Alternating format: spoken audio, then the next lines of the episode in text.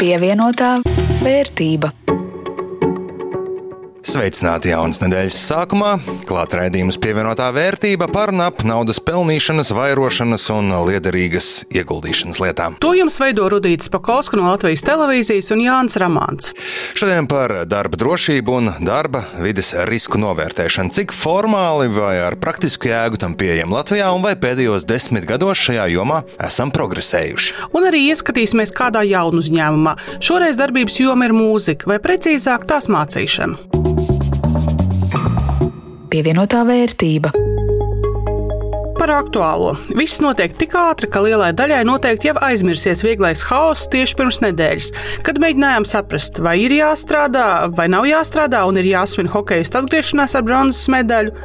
Skaļi izskanēja uzņēmēja iebildumi par brīvdienas radītajiem zaudējumiem, bet, ja runājam par budžetu, tad Finanšu ministrija aplēsusi, ka viena brīvdiena tie ir 10 līdz 12 miljoni mīnusā nodokļu ieņēmumos.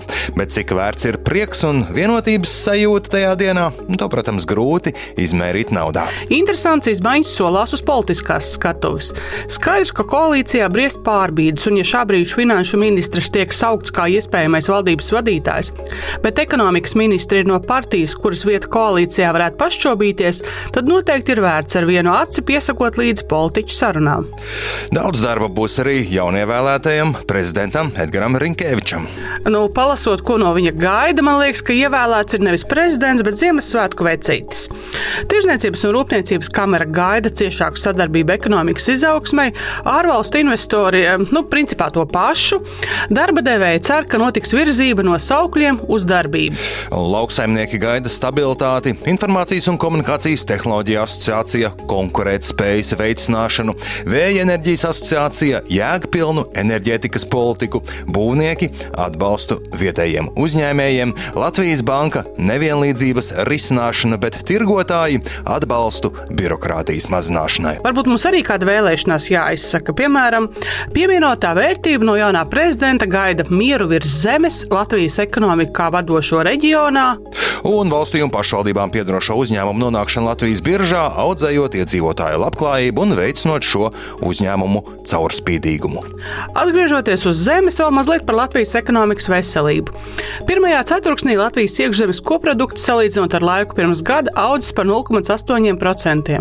Liekas maz, bet eh, priecēties, ka veicies labāk nekā kaimiņiem. Igaunijā šajā periodā 3,2%. Mīnusā Lietuvā 2,5% pusprocentu lejup.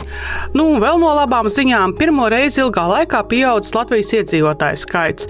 Tas gan nav kāds dzimstības brīnums, bet gan bēgļi no Ukrainas, kas Latvijā meklē patvērumu no kara.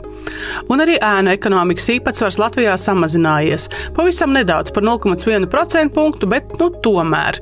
Un šobrīd ir 26,5% no iekšzemes koprodukta. Un vēl kā ķirsīts uz kūciņas, pirmajā ceturksnī par 12,3% pieaugusi arī vidē vidējā bruto darba samaksa. Tas gan ir mazāk nekā inflācija noēda, bet kā sola analītiķi, algu kāpums varētu turpināties, bet inflācija bremzēties un pirktspēja pamazām atjaunoties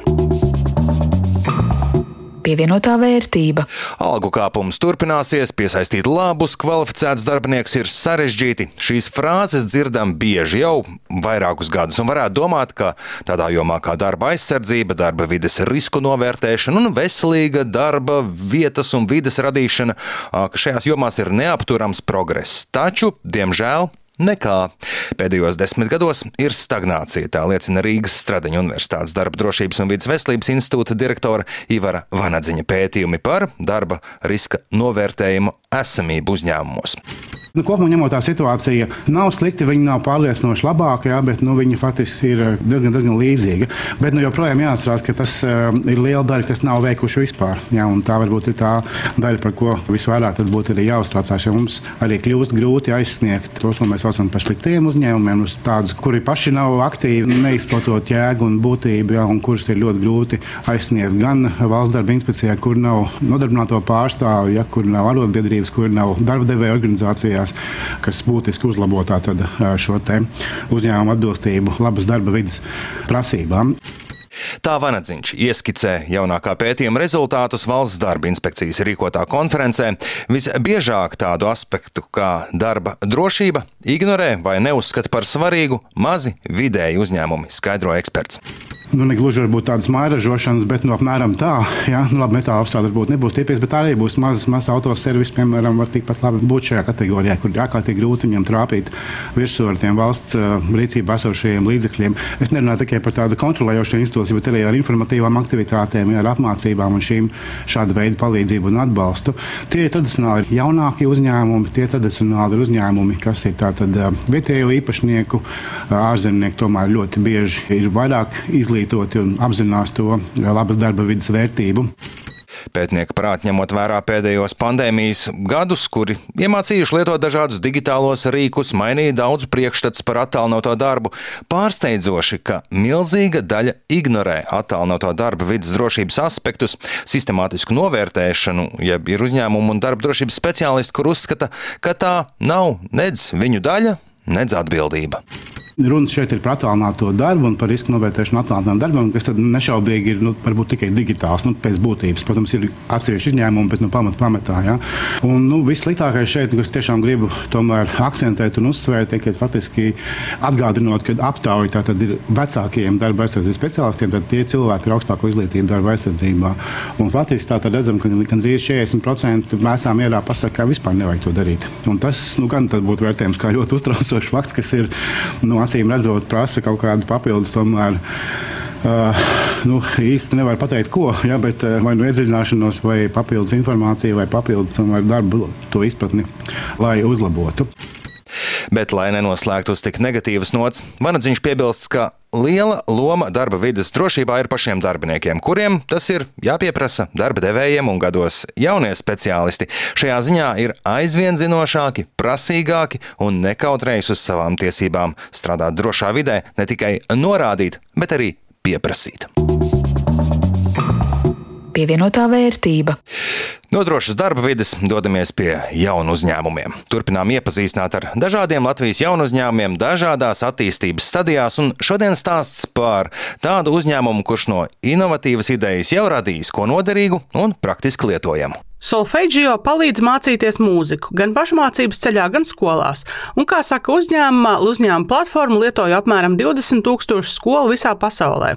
Turpinājumā saruna ar Solfeģio idejas autoru un uzņēmumu vadītāju. Es domāju, vai es tiešām esmu stāstījis, kas ir solfeģio latviešu pēdējā laikā. Ir vārds solfeģio, to es domāju, jebkurš Latvijā saprot. Jā, man sauc uh, Toms Gāle, un es esmu dibinātājs solfeģio. Tā ir mūzikas izglītības platforma, kas palīdz vieglāk mācīties mūzikas skolās, iedvesmo jauniešus mācīties mūzikas skolās, parastajās skolās. Mēs runājam par parastām skolām, mūzikas stundām, ja, kuras ir gājis gan ik viens cilvēks.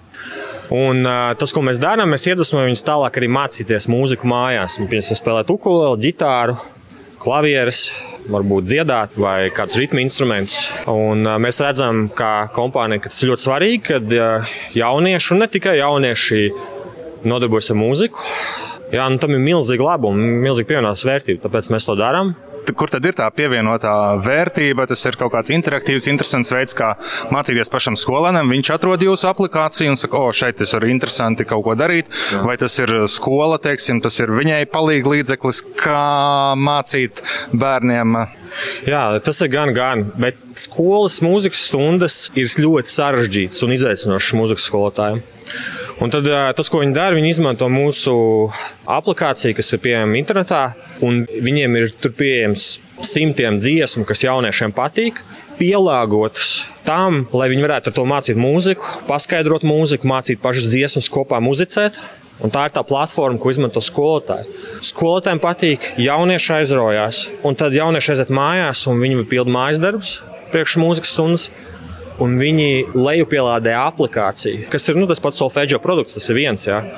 Bet viņi priekš mājas darbiem lejupielādē aplikāciju, kurā viņi pild mājas darbus, un kurā viņi arī var mācīties vēl arī tālāk mājās ukulēli.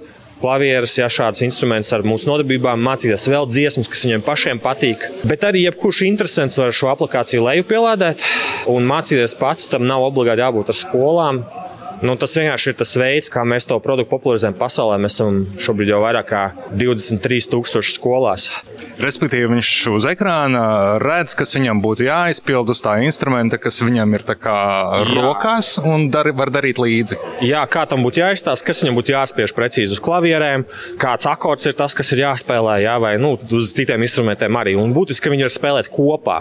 Un tad otra puse ir tas, ka viņi pild šīs nodarbības, kuras ir arī visas balstītas uz dziesmām, bet viņi atbild uz dažādiem jautājumiem, kas ir saistīti ar mūzikas vēsturi, mūzikas teoriju, notīm, jā, arī atkal par dziesmām. Tur ir vēl tāda gudrība, ka mēs izlabojam kļūdas. Ja mēs skatāmies, kāds ir temats, ko nesaprot jaunietis, tad mēs tās kļūdas izlabojam un parādām. Un sauksim to par mākslīgā intelekta vieglu versiju, kur skatās, ko vajag jaunietim iemācīt, lai viņam nebūtu robi. Kā ir ar tiem klientiem Latvijā? Jums um, no nu, skolas labprāt ieraugījus aplikāciju un saka, jā, šis mums būs lielisks, paliks mēs tūlīt pat, vai tas tomēr ir kaut kā savādāk? Mēs neesam ļoti daudz veltījuši mūsu mārketinga resursus, lai būtu skolās Latvijā. Mums ir 50 pāri procentu visu klientu un visu skolu ir no Amerikas Savienotajām valstīm. Un tur mēs esam ļoti lieli. Mēs nu, vairāk kā 10 000 skolās Amerikā esam. Mēs esam arī skolās Latvijā, un skolās Latvijā vairākās mūsu izmanto, un skolotāji ir ļoti, ļoti priecīgi. Bet mēs būtu ļoti priecīgi redzēt, ka vairāk skolas Latvijā ir lietotas. Tas būtu fantastiski.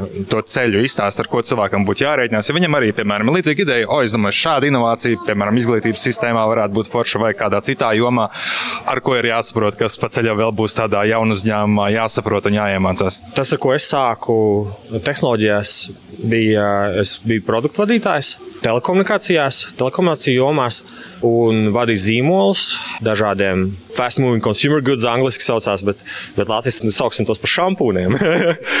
bet ar mūziku bija kāda saistība? Nekāda? Jā, un tad es pēc tam nolēmu, ka manā mamma ir mūzikas skolotāja, un es nolēmu, ka es dibināšu kopā tādu ģimenes uzņēmumu. Mēs nodibinājām mūzikas skolu, pirmo mūzikas skolu pieaugušiem. Nu, tad es uh, saliku kopā zināšanas tehnoloģijās, kas man bija mārketingā un mūzikā. Un nolēmu, ka es dibināšu solfečio. Tur man palīdzēja man līdziepašniece, kas bija mana pirmā ģitāras skolotāja manā mūzikas skolā. Cik ilgā laikā un cik tālu jūs šobrīd esat tikuši no tādiem startup terminiem runājot? Mēs dibinājām uzņēmumu 2017. gadā. Šobrīd mēs esam piesaistījuši vairāk par miljonu nu, tas lietotāju skaits kopā ar jauniešiem, kas arī lieto skolās, tas ir nu, miljoni. Pilnas slodzes darbs, jeb tas vairs nav tur garāžā kaut ko apgādāt. Jā, jā, jā. Es kā pilnas slodzes darbu to daru jau kaut kādu, es pat nevarēšu pateikt precīzi, cik gadus, bet jau labu laiku. Tu vari varbūt sākt paralēli kaut kādām citām idejām, bet tas ir vairāk kā pilnas slodzes darbs, jo realitātē nu, jāstrādā ir ļoti daudz. Kas ir tie nākotnes tuvākie tālākie mērķi un kas ir tas, ko gribat sasniegt? Mērķis ir uh, droši vien līdzīgs uh, lielākajai daļai jaunu uzņēmumu dibinātājiem. Tas ir tikties ar investoriem, piesaistīt investīcijas. Tas ir arī, protams, attiecas uz mums. Un uh, tālākošie mērķi, es atgriezīšos atpakaļ pie uzņēmuma misijas. Mēs gribam, lai mūzika būtu nevis tikai pieejama profesionāļiem un privileģētajiem, bet mūzika būtu lieta, ko tā kā sporta, kad tu aizies skriet, var darīt jebkurš cilvēks. Un, uh, tas ir mūsu mērķis. Bet kāda bijusi aizvadītā nedēļa Baltijas biržās? Kritums tikai Viļņā, tur mīnus 1,08% mīnusā. Rīgā un Tallinā kāpums. Tallinā pat vairāk nekā pusotrs procents plusā, bet Rīgā kāpums par 0,43%. Loģika saka, ka tavam portfelim vajadzētu būt bijušai labai nedēļai. Man jāsaka, kā ir tas kāpums ir pagājis man secen, nu labi, nepilni 2 eiro vairāk ir nekā pirms nedēļas. 462 eiro un 37 centi ir kopējā portfeļa vērtība, bet, nu, priecē vismaz tas, ka pārmaiņas pēc nākas klāt, nevis tik pa eiro, pa eiro uz leju no nedēļas uz nedēļu. Nu, man jāatzīst, ka pamatīgi iegriez Linas agro grupas akciju cenu kritums. Pārējās portfeļa akcijas turās, bet kopējā vērtība kritus par vairāk nekā 10 eiro. Un šobrīd ir 460 eiro un 21 cents. Īss gan bija mans līdera goda laiks, bet nu, nākotnē raugos cerīgi. Pievienotā vērtība. Ar to arī skan šīs nedēļas raidījums pievienotā vērtība. To jums veidoja Jānis Ramāns un no Latvijas televīzijas Rudīts Pakauska. Par skaņu rūpējās Uldis Grīnbergs. Atgādinu, ka šo un citus pievienotās vērtības raidījumus bieži vien garākus un plašākus var noklausīties arī jūsu iecienītajās raidierakstu vietnēs un arī Latvijas radio lietotnē. Uz tikšanos! Pievienotā vērtība.